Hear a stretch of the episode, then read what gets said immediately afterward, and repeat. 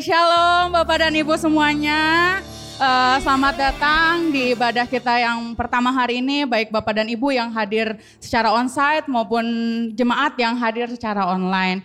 Bapak dan Ibu, uh, sungguh besar kasih Tuhan kepada kita semua karena oleh kebaikan Tuhan pada pagi hari ini Tuhan uh, telah mentibakan kita di tempat ini dengan selamat tanpa kurang suatu apa pun.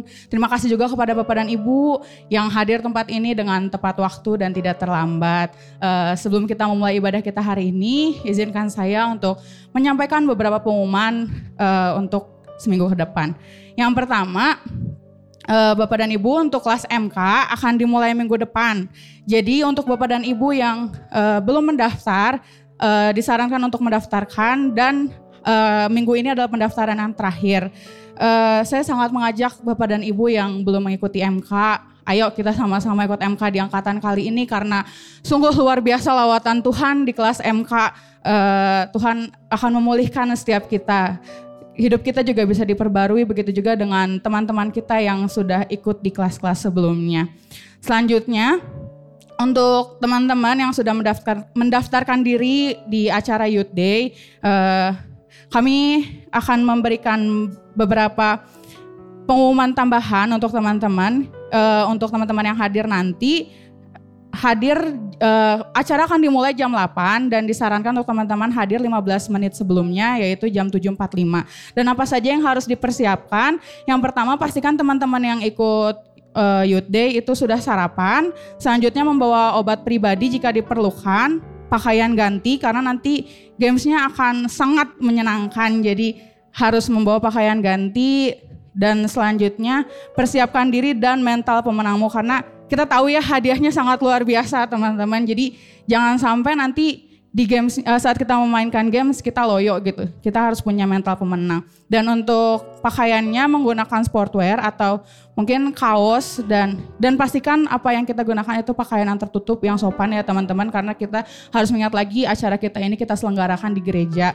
Uh, bawahan yang bebas dan menggunakan sendal, cross atau sejenisnya yang tahan air.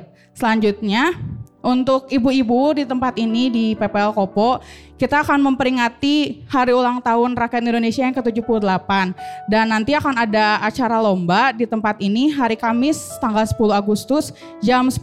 Jadi untuk ibu-ibu pastikan untuk ikut karena acaranya akan sangat menyenangkan. Karena juga akan ada hadiah yang menarik dan untuk dress code-nya atasannya warna merah. Selanjutnya untuk sekolah minggu akan diadakan acara, uh, acara perayaan kemerdekaan juga hari Minggu tanggal 20 Agustus di tempat ini jam 6.45 dan 10.45 uh, eh, dan pakaiannya menggunakan merah putih. Oke, sekian pengumuman yang bisa saya sampaikan. Dengan hormat saya undang Bapak dan Ibu semua untuk bangkit berdiri. Boleh disapa kanan kirinya, berikan senyum yang terbaik, ucapkan kata-kata berkat. Bapak dan Ibu, sebelum kita memulai ibadah kita hari ini, mari kita sama-sama satukan hati untuk berdoa kepada Tuhan. Kita mau memberi yang terbaik untuk Tuhan di ibadah kita hari ini. Bapak kami yang baik, selamat pagi Tuhan. Uh, Bapak terima kasih Tuhan untuk kebaikan-Mu Tuhan, untuk berkat-Mu Bapak pada pagi hari ini untuk kami semua Tuhan. Kau tibakan Tuhan uh, kami para jemaat-Mu Bapak dengan selamat tanpa kurang suatu, suatu apa pun Tuhan di tempat ini Tuhan Yesus. Bapak uh, pagi hari ini Tuhan kami mau satukan hati kami Tuhan sama-sama Tuhan untuk memuji meninggikan namamu Bapak di tempat ini Tuhan Yesus. Kami undang Engkau hadir Bapak di tengah-tengah kami Tuhan. Lawat setiap jemaatmu mu satu-satu Tuhan Yesus. Uh, berikan Tuhan hati yang sukacita, hati yang baik Tuhan untuk uh, melaksanakan Tuhan ibadah hari ini Tuhan Yesus Engkau yang beracara Bapa berkati dari awal pertengahan sampai akhirnya nanti Tuhan Yesus namamu saja yang dipermuliakan namamu saja yang ditinggikan di tempat ini Bapa kami mau memulai ibadah kami Tuhan Yesus pada pagi hari ini Bapa uh, Kau hadir tengah-tengah kami Tuhan. Untuk kita semua yang siap untuk uh, memuji, meninggikan nama Tuhan di tempat ini. Sama-sama kita katakan Amin. Amin. Berikan tepuk tangan yang terbaik bagi Tuhan kita. Shalom Bapak Ibu semua yang ada di tempat ini, yang ada di rumah juga Shalom. Kita bersuka cita karena kita percaya hanya dalam nama Yesus Tuhan. Kita temukan sukacita dan pengharapan. Amin. Mari bersama-sama bertepuk tangan gereja Tuhan. Hey. Haleluya. Sebab hanya Yesus Tuhan yang sanggup memberikan sukacita yang abadi bagi kita. Mari gereja Tuhan bersama-sama katakan. Dalammu ku temukan sukacita.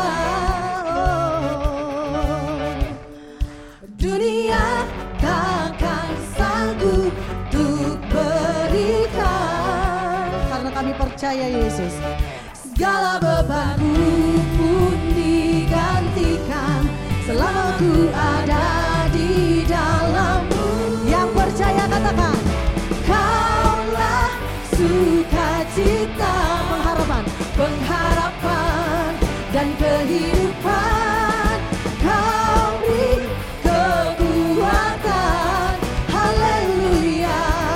Bersukacita selamanya. Kita percaya Yesus Tuhan mendampingi kita setiap waktu. Amin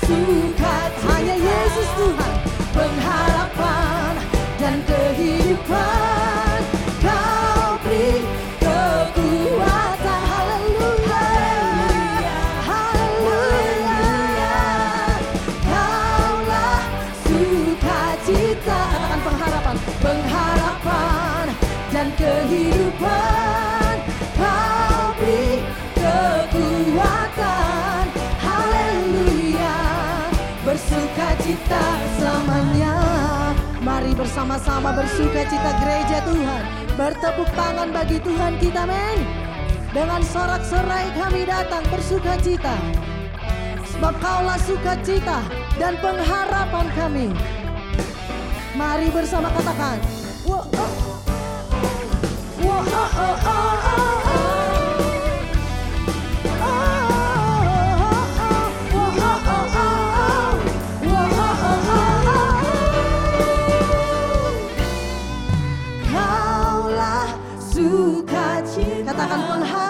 pengharapan dan kehidupan Kau beri kekuatan Katakan Haleluya. Haleluya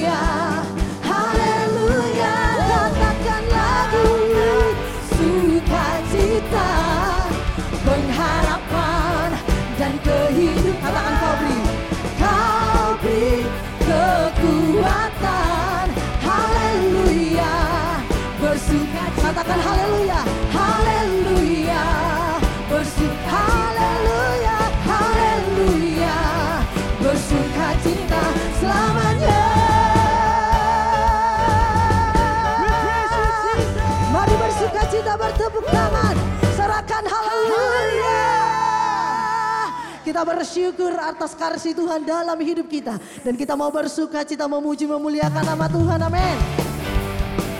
Berapa banyak yang mau bersuka cita karena kebaikan Tuhan. Sebab dia yang memberikan sukacita dan kekuatan bagi kita. Mari katakan bersama. Karyamu mempesonaku, kau angkatku dari kelam kasih tulus memberi warna. Katakan lagi kau buang semua gelisah. Kau buang semua gelisah, kau beriku sukacita, kau buatku selalu tetap. Yang percaya katakan, lagu baru dalam hatiku, mulutku bersorak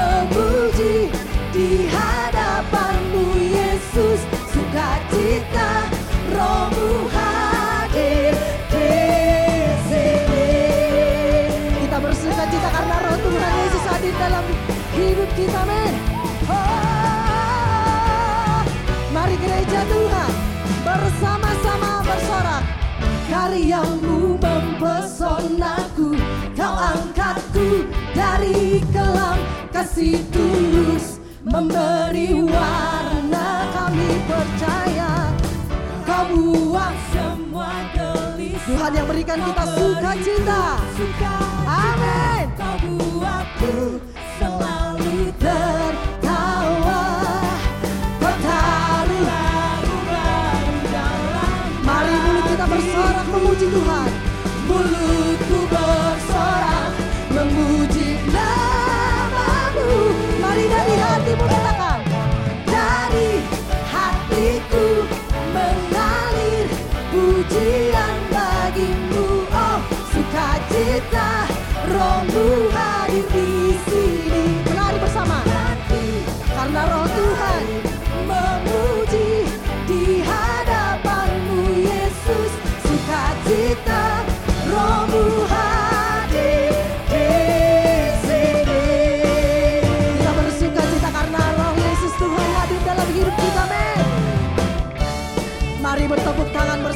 gereja Tuhan kami bersuka cita karena roh kudus Tuhan memberikan kami kekuatan yang memberikan kami sukacita dan penghiburan oh. Siap semua angkat suara bersuka cita bagi Tuhan Yesus, amin.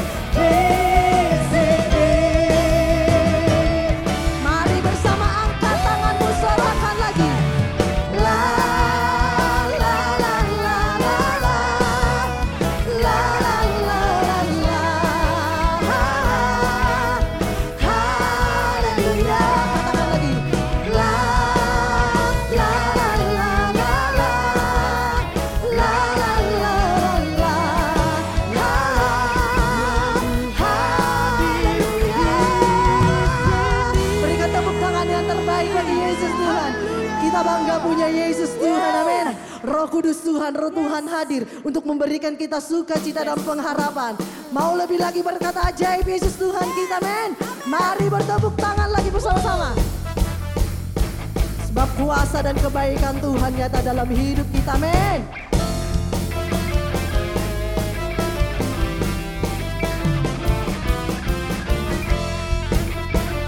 Kami percayakan kebaikan-Mu Tuhan Yesus. Bersama-sama katakan Kuasamu nyata dalam ciptaanmu. Katakan kasihmu. Kasihmu nyata dalam perbuatan. Mari sorakan ajaib. Ajaib dan perkasa besar dan mulia Tak ada Tuhan seperti kau Yesus. Mari katakan lagi Kuasamu percaya kuasa nyata. Kuasa Tuhan nyata dalam hidup kita. Kasihmu nyata dalam perbuatan. Mari sorakan dia ajaib. Ajaib dan perkasa besar. Dan katakan tak ada. Tak ada Tuhan seperti kau. Yesus mari bersorak ku bangga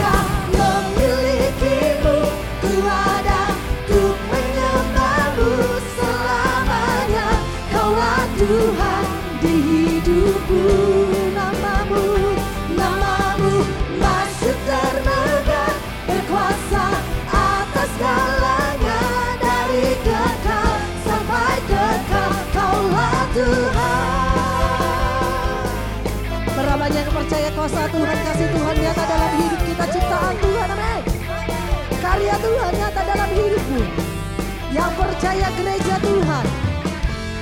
Bersama lagi katakan. Kuasamu nyata dalam ciptaanmu. Kasihmu Yesus. Kasihmu nyata dalam perbuatan. Yang percaya dia ajaib katakan. Ajaib dan perkasa besar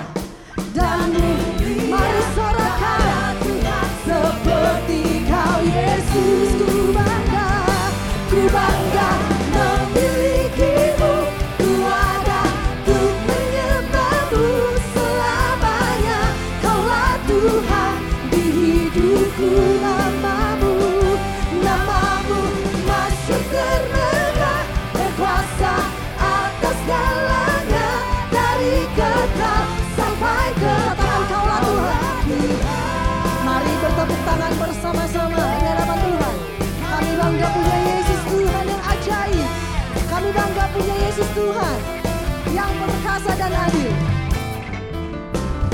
Berapa banyak yang bangga punya Yesus Tuhan? Mari angkat tanganmu, angkat suaramu, katakan lagi bersama.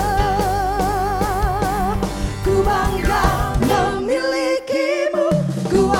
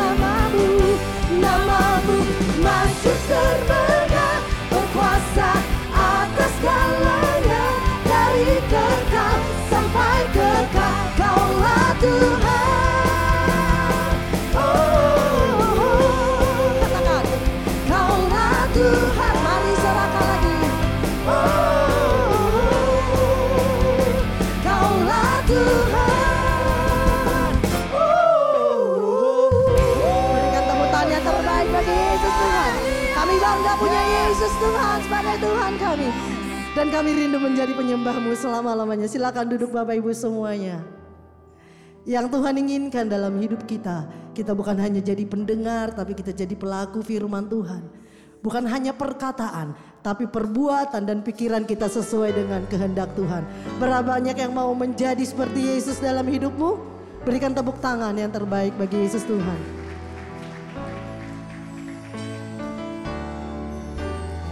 Ini kerinduan kami Yesus. Hanya Engkau Tuhan. Engkau dalam kami dan kami dalam Engkau Bapa.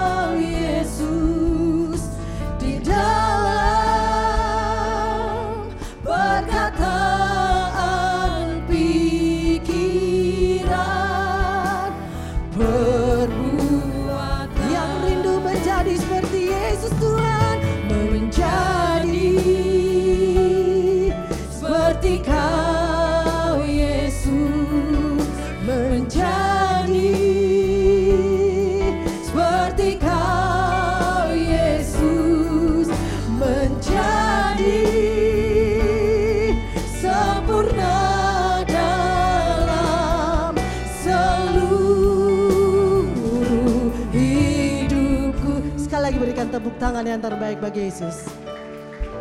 Mari bersama lagi katakan yang kurindukan. Yang kurindukan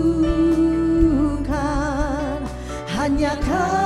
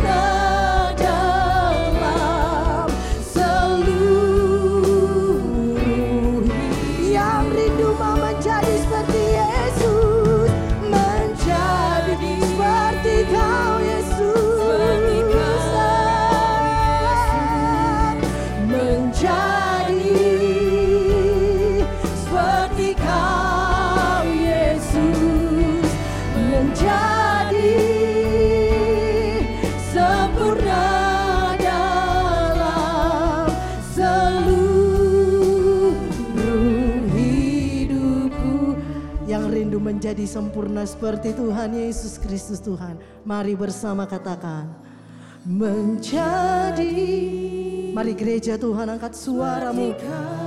Ini rindu kami. Menjadi menjadi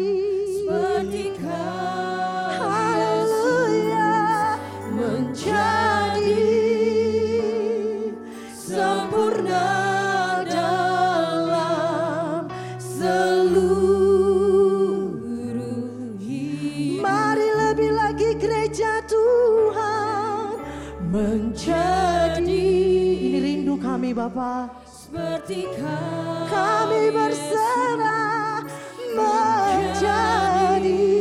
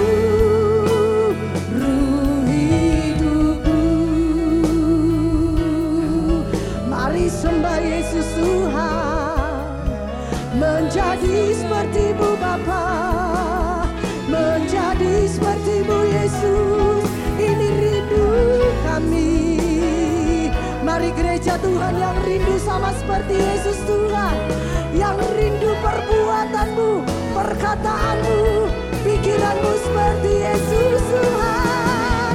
Kami berserah kepadamu. Kami percaya kepadamu Yesus. Ini rindu kami. Ini mau kami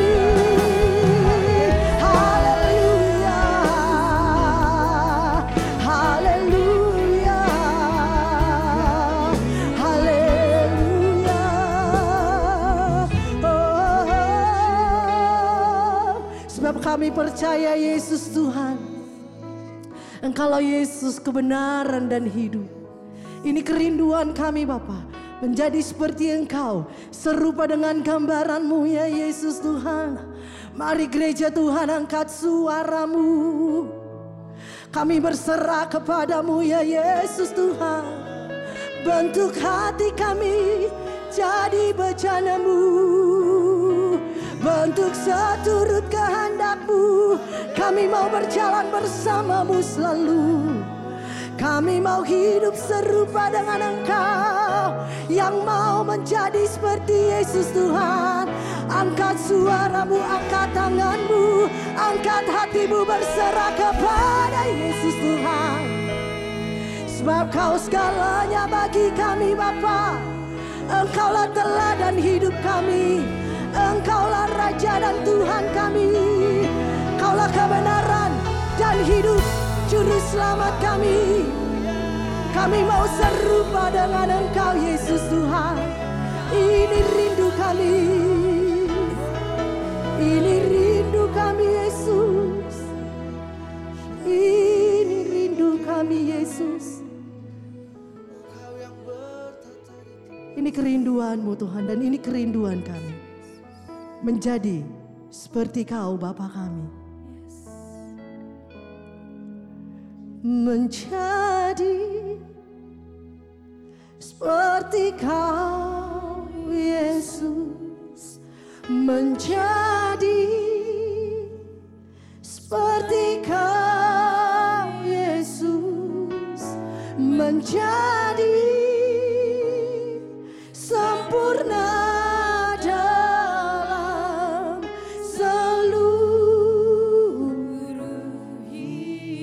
bangkit berdiri bersama-sama katakan menjadi seperti kau seperti kau Yesus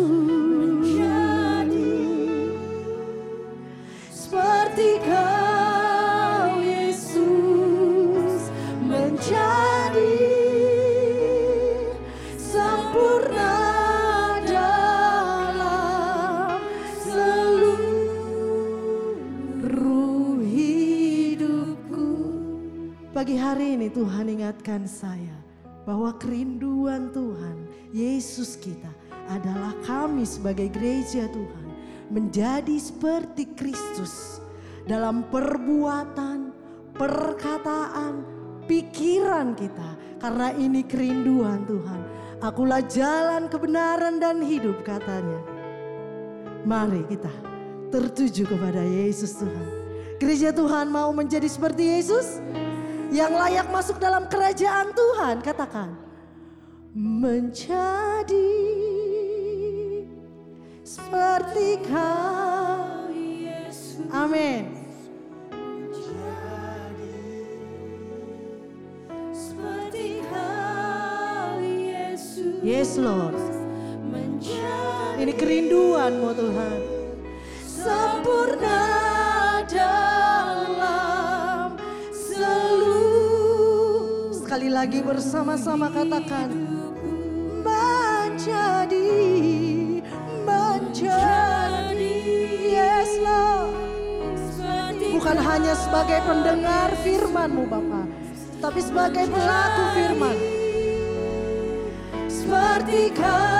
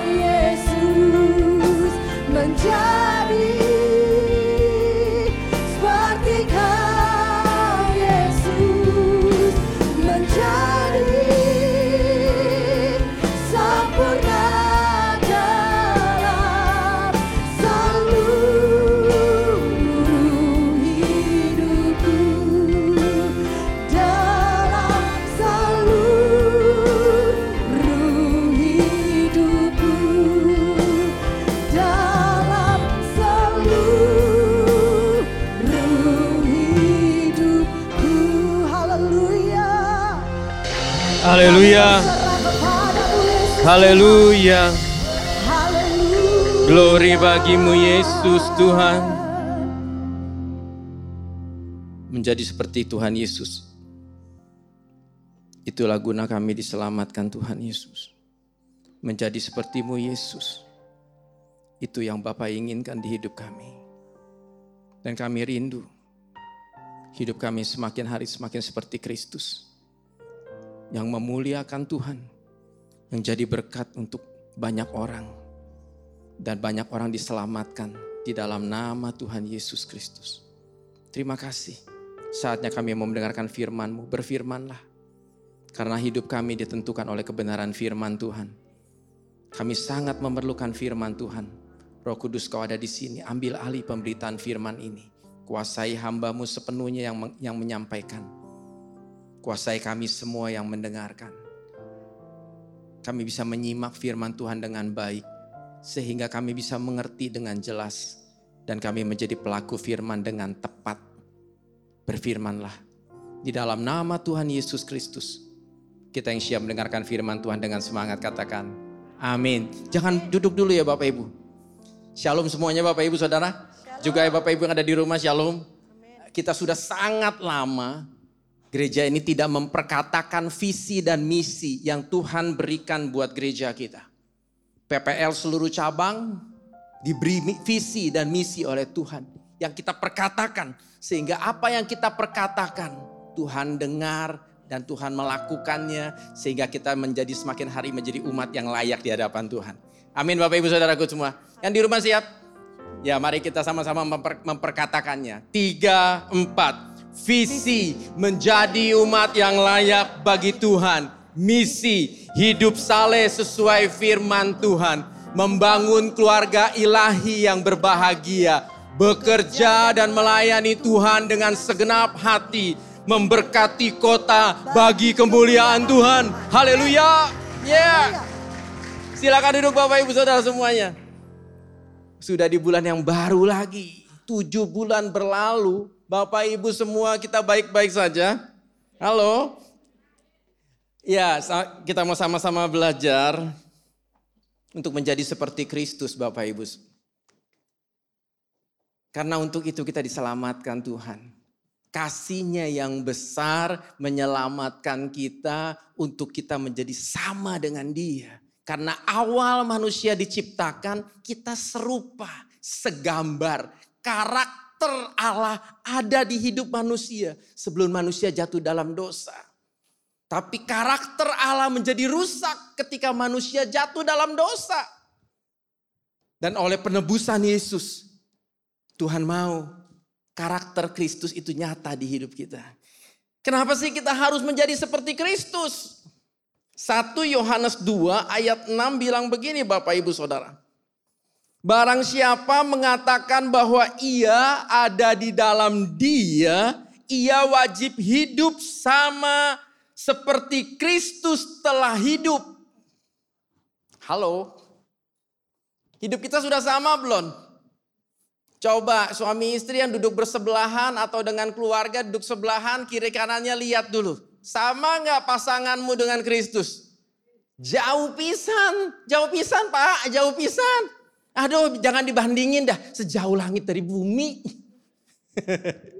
nggak apa-apa, memang dulu semua kita juga tidak baik kok. Tapi sejak kita percaya Yesus yang adalah Tuhan Juru Selamat. Kita punya apa? Hak, diberi hak untuk menjadi anak Allah.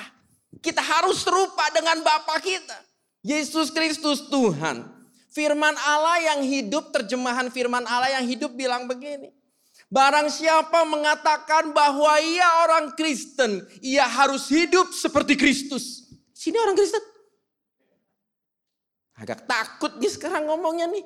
Belum zaman aniaya, belum zaman aniaya saja di dalam gereja saja di kota yang aman ini Apakah kita orang Kristen?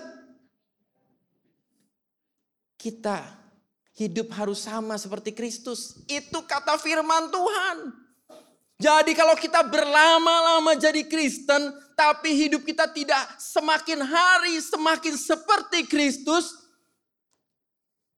kita tidak menjadi orang yang menggenapi ayat ini. Kita tidak jadi orang yang melakukan ayat ini Bapak Ibu.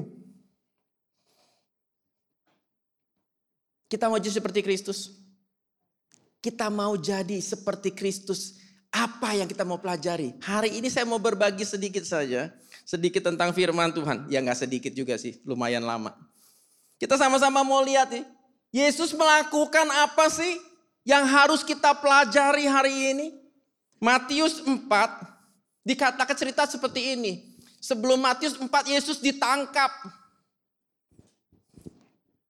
Yesus eh Yesus Matius 4 itu bercerita tentang pencobaan di padang gurun Bapak Ibu Saudaraku. Lalu Yesus diba, di, dikatakan begini, Yesus dibawa oleh Roh Kudus masuk ke padang gurun untuk dicobai oleh si iblis. Matius 4 ayat 3 sampai 11. Pertama saya mau bacakan dulu Matius 4 ayat 3 sampai 4. Yesus ada di padang gurun.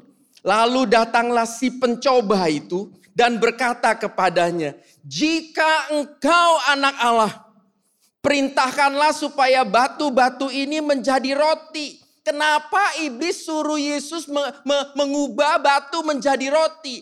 Karena iblis tahu Yesus sedang lapar setelah berpuasa 40 hari 40 malam di padang gurun.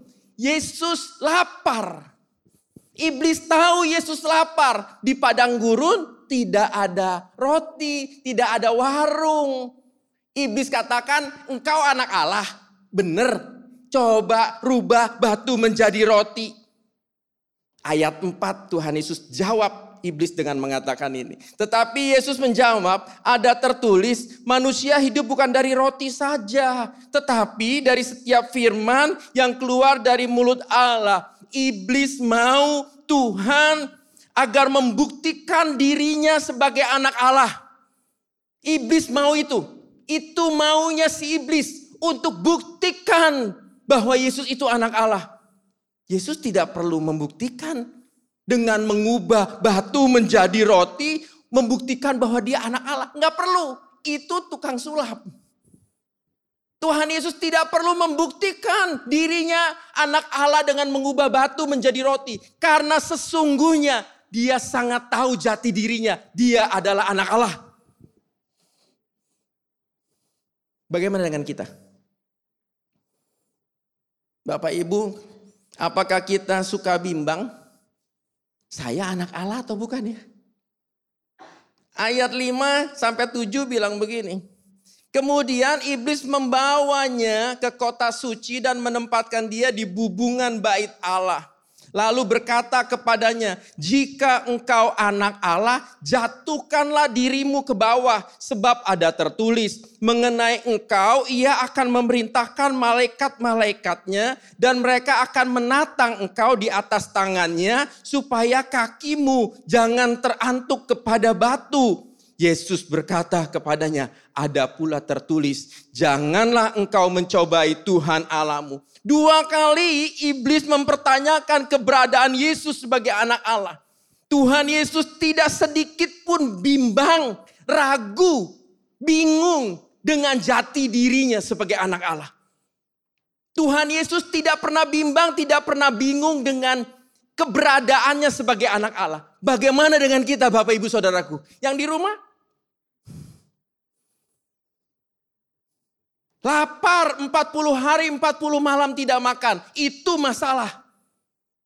Ketika kita dalam masalah dan Tuhan tidak tolong kita, apakah kita menjadi bingung? Aku anak Allah bukan ya? Iblis justru menghembuskan itu. Lapar ya? Anak Allah bukan. Anak Allah masa lapar. Anak Allah masa sakit-sakitan. Anak Allah masa miskin. Halo, Jika kita mau menjadi seperti Kristus, kita pun jangan bimbang dan bingung tentang keberadaan kita sebagai orang tebusannya, anak Allah.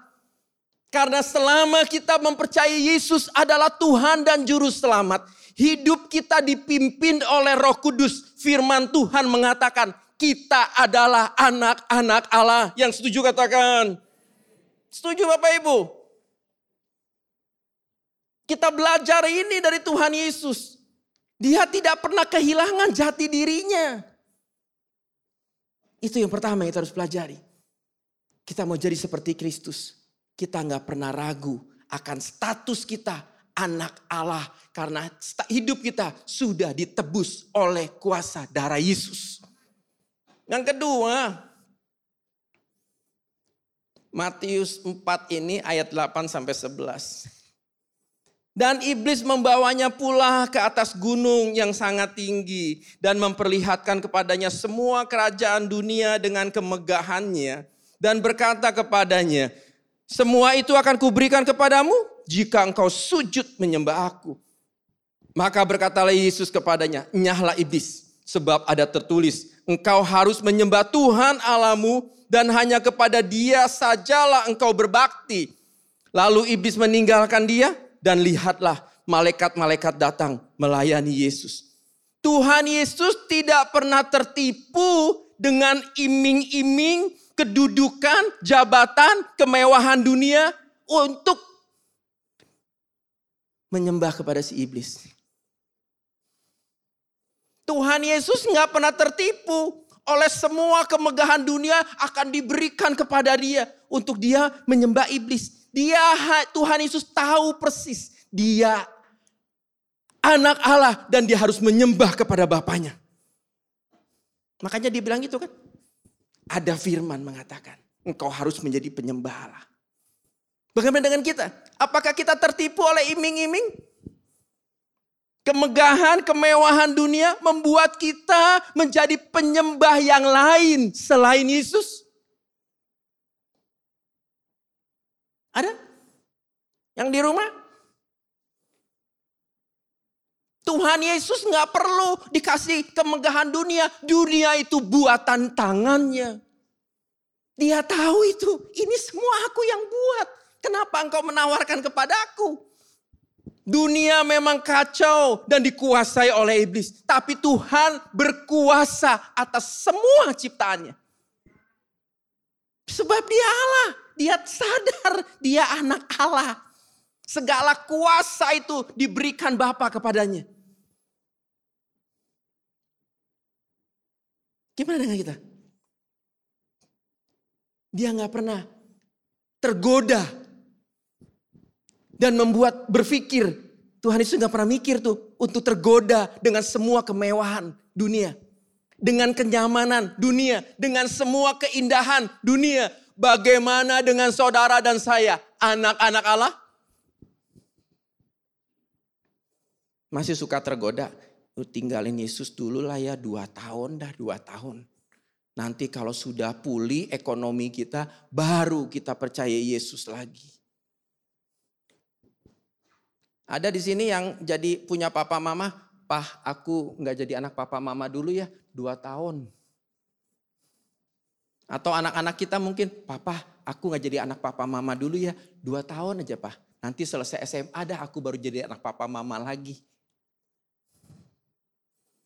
Dan Tuhan selalu menjawab iblis dengan sebuah kebenaran firman Tuhan. Dan itu mematahkan strategi daripada si iblis. Iblis meninggalkan Tuhan. Dan malaikat datang melayani Tuhan. Apakah kita juga mau seperti Yesus? Menjadi pelaku kebenaran firman Tuhan. Karena ketika kita melakukan kebenaran firman Tuhan, kita mematahkan semua tipu daya dari si jahat. Kita sering kali tergoda. Kita sering kali tenggelam, terjebak di dalam berbagai tipuan-tipuan dunia ini. Mau seperti Kristus? Sudah kurang semangat. Bapak Ibu masih mau seperti Kristus? Tidak tergoda oleh semua keindahan dan kemewahan apa pun juga yang ada di dunia ini. Untuk menjadi penyembah yang bukan Yesus. Mari ambil kepastian. Aku tidak mau teriming-imingi oleh apa pun juga. Karena aku hanya mau menjadi penyembah Yesus. Karena hanya Tuhan Yesus, Tuhan yang benar. Yang ketiga, Matius 26 ayat 62 sampai 64. Kita mau seperti Kristus dalam hal ini. Lalu imam besar Yesus ditangkap, lalu dibawa ke mahkamah agama untuk dicari kesalahannya supaya punya alasan untuk menghukum mati Tuhan Yesus. Diperhadapkan kepada tokoh-tokoh agama, ditonton oleh banyak orang. Lalu imam besar itu berdiri dan berkata kepadanya, Tidakkah engkau memberi jawab atas tuduhan-tuduhan saksi-saksi ini terhadap engkau? Tetapi Yesus tetap diam.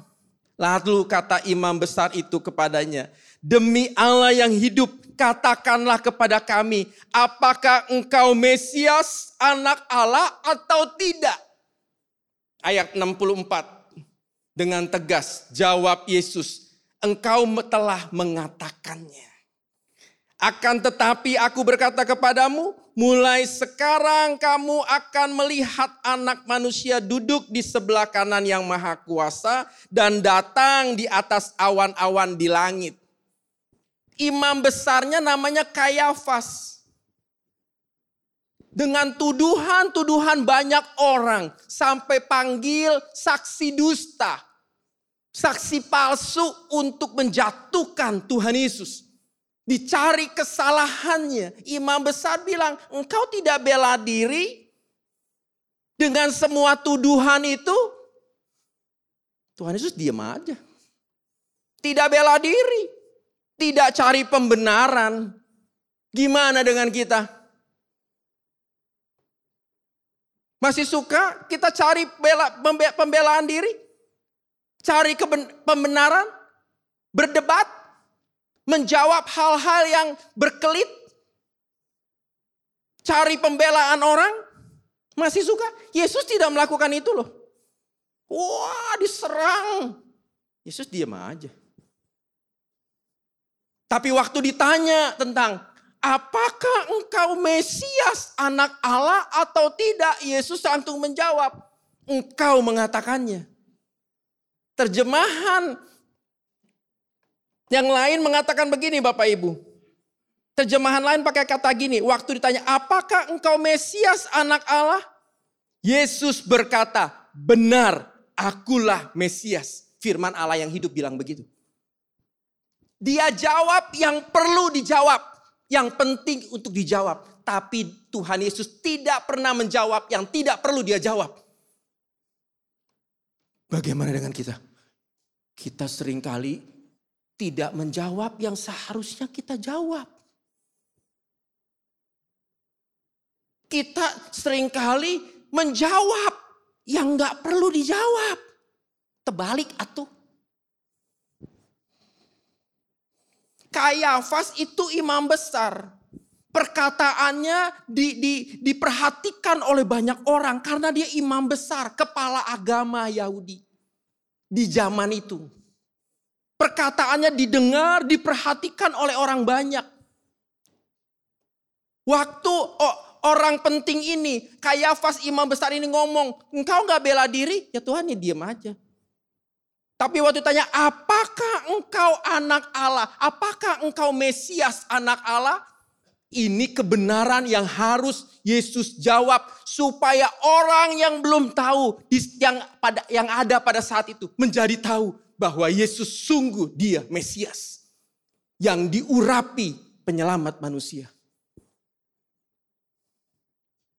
Kita berani memperkatakan itu? Orang ketika terjadi masalah di, di, di lingkungan hidup, orang tahu kita Kristen.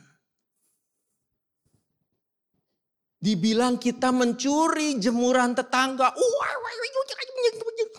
Bla bla bla bla bla kita bela diri. Nggak perlu sampai heboh. Tidak mungkin Pak saya mencuri jemuran Bapak, nggak mungkin. Kamu orang Kristen kan? Iya, saya orang Kristen. Saya percaya Tuhan Yesus. Makanya saya tidak pernah mencuri jemuran Bapak. Halo? Kita sering ngototnya mempertahankan harga diri kita. Tapi kita tidak mempertahankan kebenaran firman Tuhan yang harusnya kita pertahankan untuk diberitakan kepada banyak orang. Gimana dengan kita?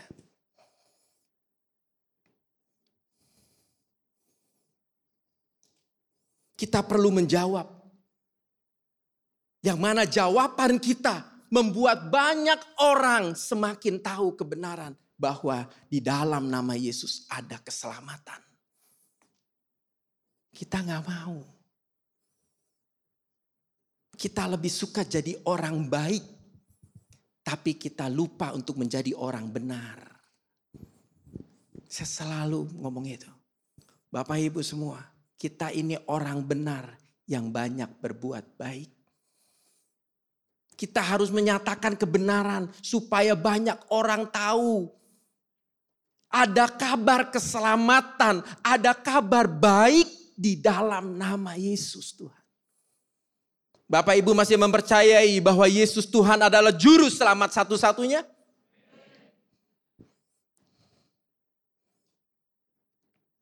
Matius 27, setelah Yesus di, di, dicari kesalahannya di mahkamah agama, supaya lebih berat hukumannya, dibawa ke pemerintahan, diperhadapkan kepada gubernur kota itu, Pilatus. Matius 27 ayat 11 sampai 14. Lalu Yesus dihadapkan kepada wali negeri dan wali negeri bertanya kepadanya, "Engkaukah raja orang Yahudi?"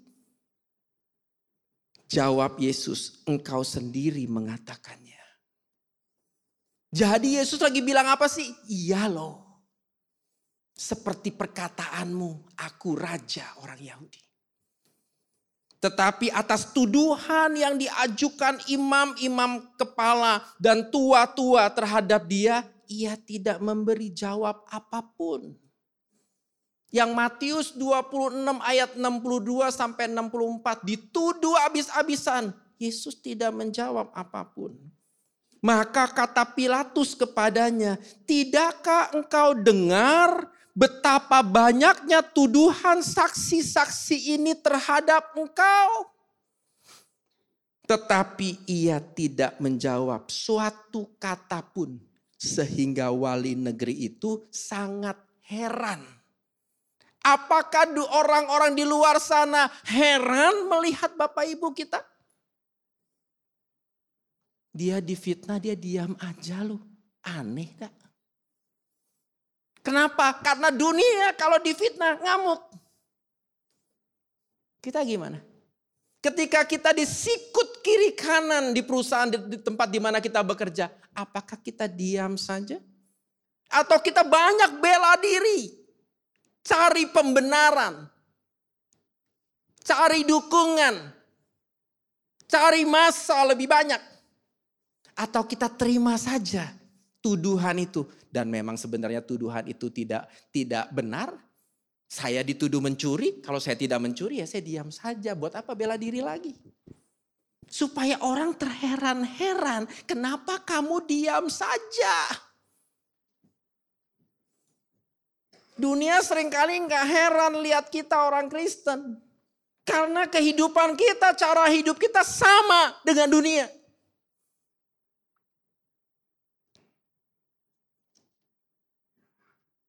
yang kudambakan menjadi seperti kau Yesus di dalam perkataan, pikiran,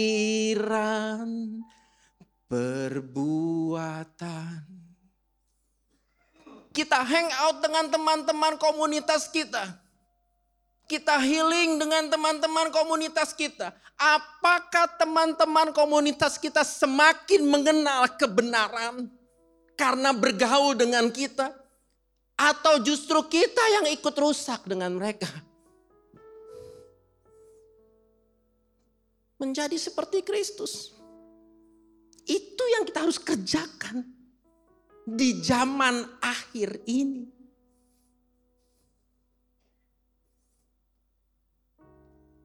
Jangan kita menolak kebenaran. ketika dinasehati kebenaran ditolak. Ketika saya menasehati orang untuk melakukan yang benar ditolak. Karena yang dibutuhkan dia bukan kebenaran, yang dibutuhkan adalah kepuasan dagingnya. Saya nggak akan bagikan itu. Suka atau tidak suka, saya harus bagikan kebenaran karena saya berjuang untuk hidup dalam kebenaran.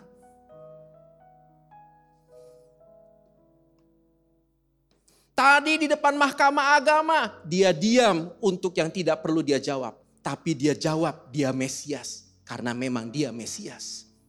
Dipindah ke kantor gubernuran. Ditanya lagi, kenapa engkau tidak diam saja, tidak bela diri? Dia tetap diam. Apakah engkau raja orang Yahudi, engkau anak Allah? Iya, seperti yang kau katakan. Artinya di semua keadaan, di segala situasi tetaplah berdiri dalam kebenaran. Seperti Tuhan Yesus. Tadi dia nggak takut karena di sini orang Yahudi di mahkamah agama dia nggak takut. Ketika diperhadapkan pada tentara normal, oh gitu ya, penja enggak enggak. Tadi mah main-main di sana main-main, bercanda bercanda. Ada kalimat begitu Yesusnya bercanda di sana? Benar kok anak Allah? Boleh dirubah nggak Pak? Bukan. Yesus nggak rubah. Di sini dia Mesias anak Allah. Ketika di hadapan gubernur pun. Iya saya Mesias anak Allah. Apakah kekristenan kita berubah-berubah sesuai dengan kondisi? Jangan. Makanan kita boleh berubah. Sesuai tempat di mana kita ada. Pakaian kita boleh berubah sesuai tempat di mana kita ada. Mobil kita boleh berubah sesuai kondisi jalan di mana kita ada. Potongan rambut kita boleh berubah sesuai musim yang ada. Tapi iman kita pada Yesus tidak pernah berubah kebenaran yang ada di dalam hidup kita tidak pernah berubah. Gimana dengan kita Bapak Ibu? Menjadi seperti Kristus? Mau tetap menjadi seperti Kristus? Mari kita lakukan apa yang kita dengar pada pagi ini. Dia tidak pernah bimbang dengan statusnya sebagai anak Allah. Dia tidak pernah tertipu oleh keiming-iming, kejabatan, kedudukan dunia dia tidak pernah teriming-imingi. Kita pun mau seperti itu. Dia tidak mempertahankan haknya. Kita sering kali mempertahankan hak hidup kita. Kita mempertahankan jabatan kita, gengsi kita, harga diri kita. Yesus enggak, enggak penting buat Yesus. Bapak Ibu setuju enggak? Seberapa benar hidup kita, seberapa baik hidup kita, ada saja orang yang tidak suka. Setuju? Atau Bapak Ibu semua disukai? Tuhan Yesus loh contohnya yang paling top. Dia juga dibenci oleh banyak orang. Tapi orang-orang yang tidak berpegang pada kebenaran. Bapak Ibu bisa bisa mengerti apa yang saya sampaikan? Mari punya satu tujuan di hidup ini.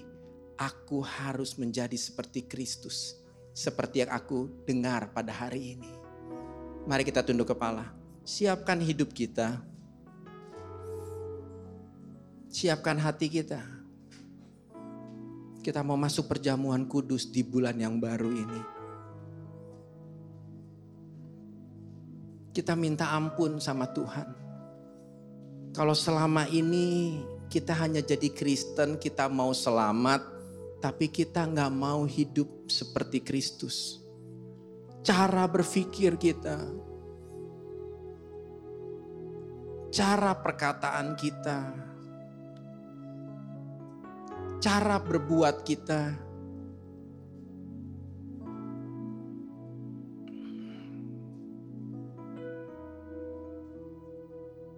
Berapa hari yang lalu saya diperhadapkan oleh suatu keadaan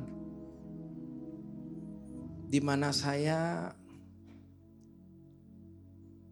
harus belajar menguasai diri saya untuk diam dan saya harus mempercayai orang-orang yang pegang otoritas atas hidup saya.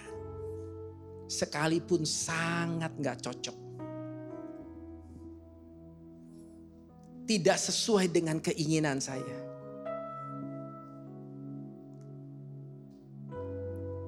Tapi di sisi yang lain saya adalah orang yang berusaha hidup taat pada tunduk pada otoritas. Saya berjuang untuk kendalikan diri saya untuk jadilah tenang sekalipun itu tidak sesuai dengan keinginanmu. Karena justru melalui semua proses itu pada akhirnya kita didapati seperti Kristus, serupa Kristus, sama dengan Kristus. Tuhan ampuni kami ya. Kalau selama ini mungkin hidup kami Kristen, kekristenan kami jauh dari keserupaan dengan Kristus. Ampuni kami Tuhan. Biar ini pagi, pagi ini menjadi sebuah kes, sebuah waktu, sebuah kesempatan untuk kami. Membangun hidup kami. Menjalani hidup kami. Menjadi serupa Kristus. Tolong kami Roh Kudus, Engkau penolong. Engkau selalu mengingatkan dan membawa kami berjalan di dalam kebenaran firman, berjalan di dalam keserupaan dengan Kristus. Tuhan, supaya kami layak masuk dalam perjamuan kudus pagi ini. Bawa kami di dalam nama Tuhan Yesus. Ampuni kami Tuhan. Darahmu yang suci menyucikan kami kembali. Melayakkan kami ada di dalam persekutuan perjamuan Tuhan pada saat ini. Bersatu dengan tubuh Kristus. Bersatu dengan kuasa darah Yesus. Terima kasih. Berkati roti dan anggur yang sudah tersedia ini menjadi persekutuan yang manis dengan tubuh Kristus yang terpecah, darah Kristus yang tercurah. Di dalam nama Tuhan Yesus Kristus, kami masuk dalam perjamuanmu. Amin. Ya. Semuanya sudah terlayani Bapak Ibu Saudaraku.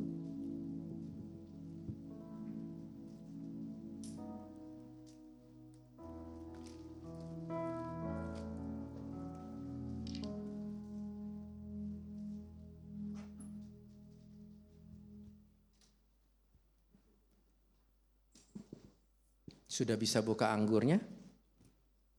Jika semuanya sudah siap, saya undang dengan hormat kita bangkit berdiri.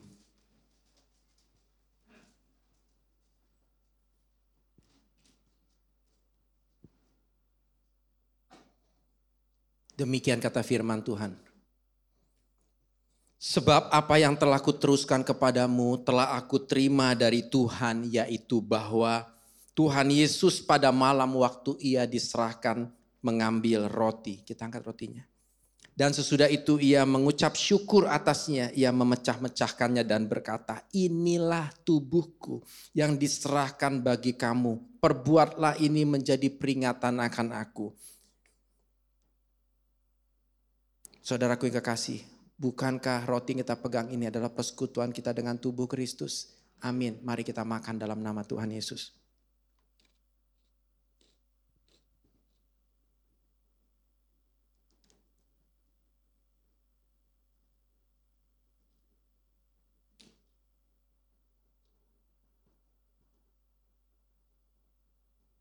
Kita angkat cawannya. Demikian juga yang mengambil cawan sesudah makan lalu berkata, cawan ini adalah perjanjian baru yang dimeteraikan oleh darahku. Perbuatlah ini setiap kali kamu meminumnya menjadi peringatan akan aku. Saudaraku yang kekasih, bukan cawan yang kita pegang ini adalah persekutuan kita dengan darah Kristus? Amin. Mari kita minum dalam nama Tuhan Yesus. Ucapkan terima kasih Tuhan Yesus. Syukur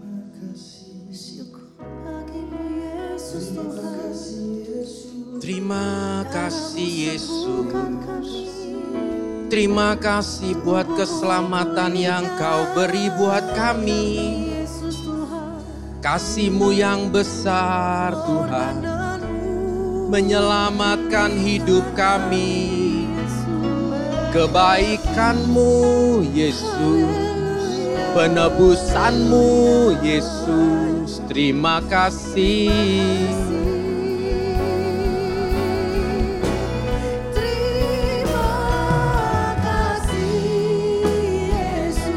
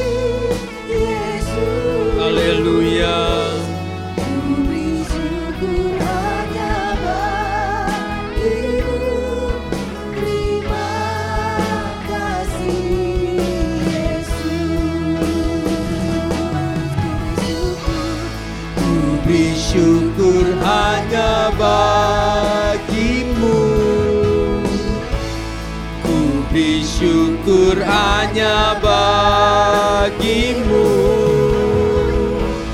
Ku beri syukur hanya bagimu Terima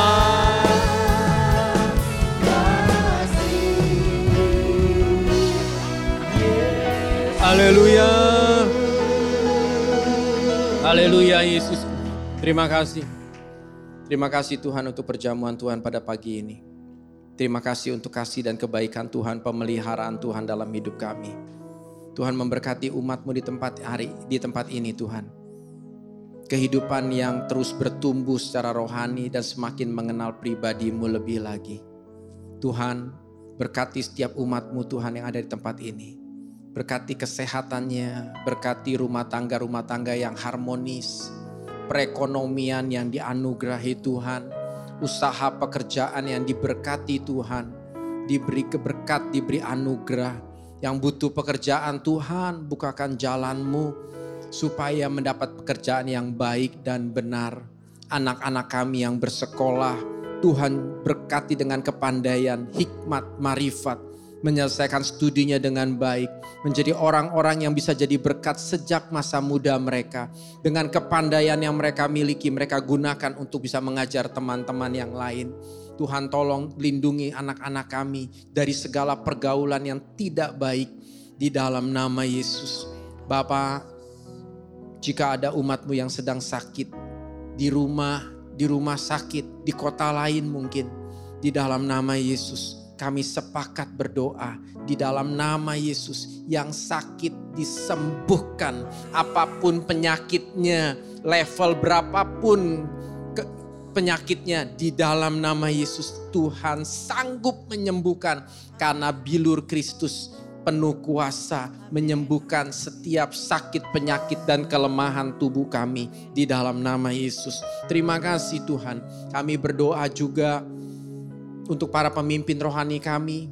Tuhan melindungi, Tuhan menjagai, Tuhan memelihara, Tuhan beri kesehatan yang baik, keluarga yang dijagai dan dilindungi Tuhan di dalam nama Yesus. Kami juga berdoa melalui pemimpin-pemimpin kami, tuntunan Tuhan jelas buat kami gerejamu Tuhan. Terima kasih. Kami juga berdoa Tuhan untuk kota dan bangsa kami. Terima kasih untuk keamanan yang ada. Terima kasih untuk kesejahteraan yang ada. Tuhan sekalipun banyak banyak berita-berita yang tidak baik di dalam nama Yesus. Semua rencana-rencana jahat yang dibuat orang untuk untuk memecah belah bangsa ini, untuk merugikan bangsa ini. Di dalam nama Tuhan Yesus Kristus kami batalkan semua rencana-rencana jahat itu. Tuhan tolong pakai presiden kami Tuhan. Beri kesehatan yang baik, beri marifat, beri wibawa Allah untuk mengatur bangsa ini sampai akhir masa jabatannya. Tuhan lindungi presiden kami, keluarganya, wakil presiden, or, uh, seluruh orang-orang yang bekerja di pemerintahan. Tuhan beri hati yang takut akan Tuhan, orang-orang yang bekerja untuk kepentingan bangsa ini Tuhan lindungi, Tuhan jagai, Tuhan pelihara. Kasihmu yang besar Tuhan. TNI, Polri Tuhan pakai untuk menjaga keamanan di negeri ini Tuhan. Semua badan hukum yang ada dipakai dengan hati yang takut akan Tuhan. Menegakkan hukum dengan baik dan benar di negara ini. Berkati hasil bumi di negeri ini Tuhan. Yang digunakan untuk pembangunan, kemajuan bangsa, kesejahteraan rakyat yang ada di dalam nama Yesus Tuhan. Bapak, biar pemeliharaan Tuhan atas bangsa ini, berkat Tuhan atas negeri ini. Indonesia diberkati, Indonesia jadi berkat. Indonesia diselamatkan di dalam nama Yesus dari timur ke barat, utara ke selatan.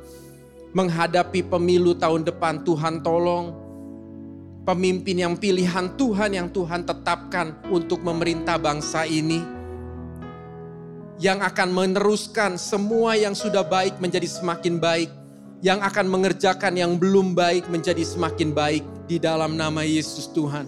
Tuhan berikan terus Tuhan keamanan, ketentraman dan kami gereja Tuhan mengambil bagian hak suara kami dengan baik di dalam nama Yesus. Terima kasih Bapa di surga. Sebentar kami akan berpisah. Kami mau buka hati kami dan mengangkat tangan kami. Bapak, Ibu, Saudaraku yang kekasih. Terimalah damai sejahtera sukacita Pastikan hidup kita berbahagia. Pastikan hidup kita ada di pihaknya Tuhan. Semua berkat rohani, semua berkat jasmani tercurah berlimpah-limpah dari Allah Bapa di surga. Cinta kasih yang sempurna dari Tuhan Yesus Kristus menyelamatkan hidup kita dan penyertaan dari Roh Kudus menyertai kita mulai saat ini sampai selama-lamanya di dalam nama Tuhan Yesus Kristus. Kita yang sudah terima berkat Tuhan katakan amin.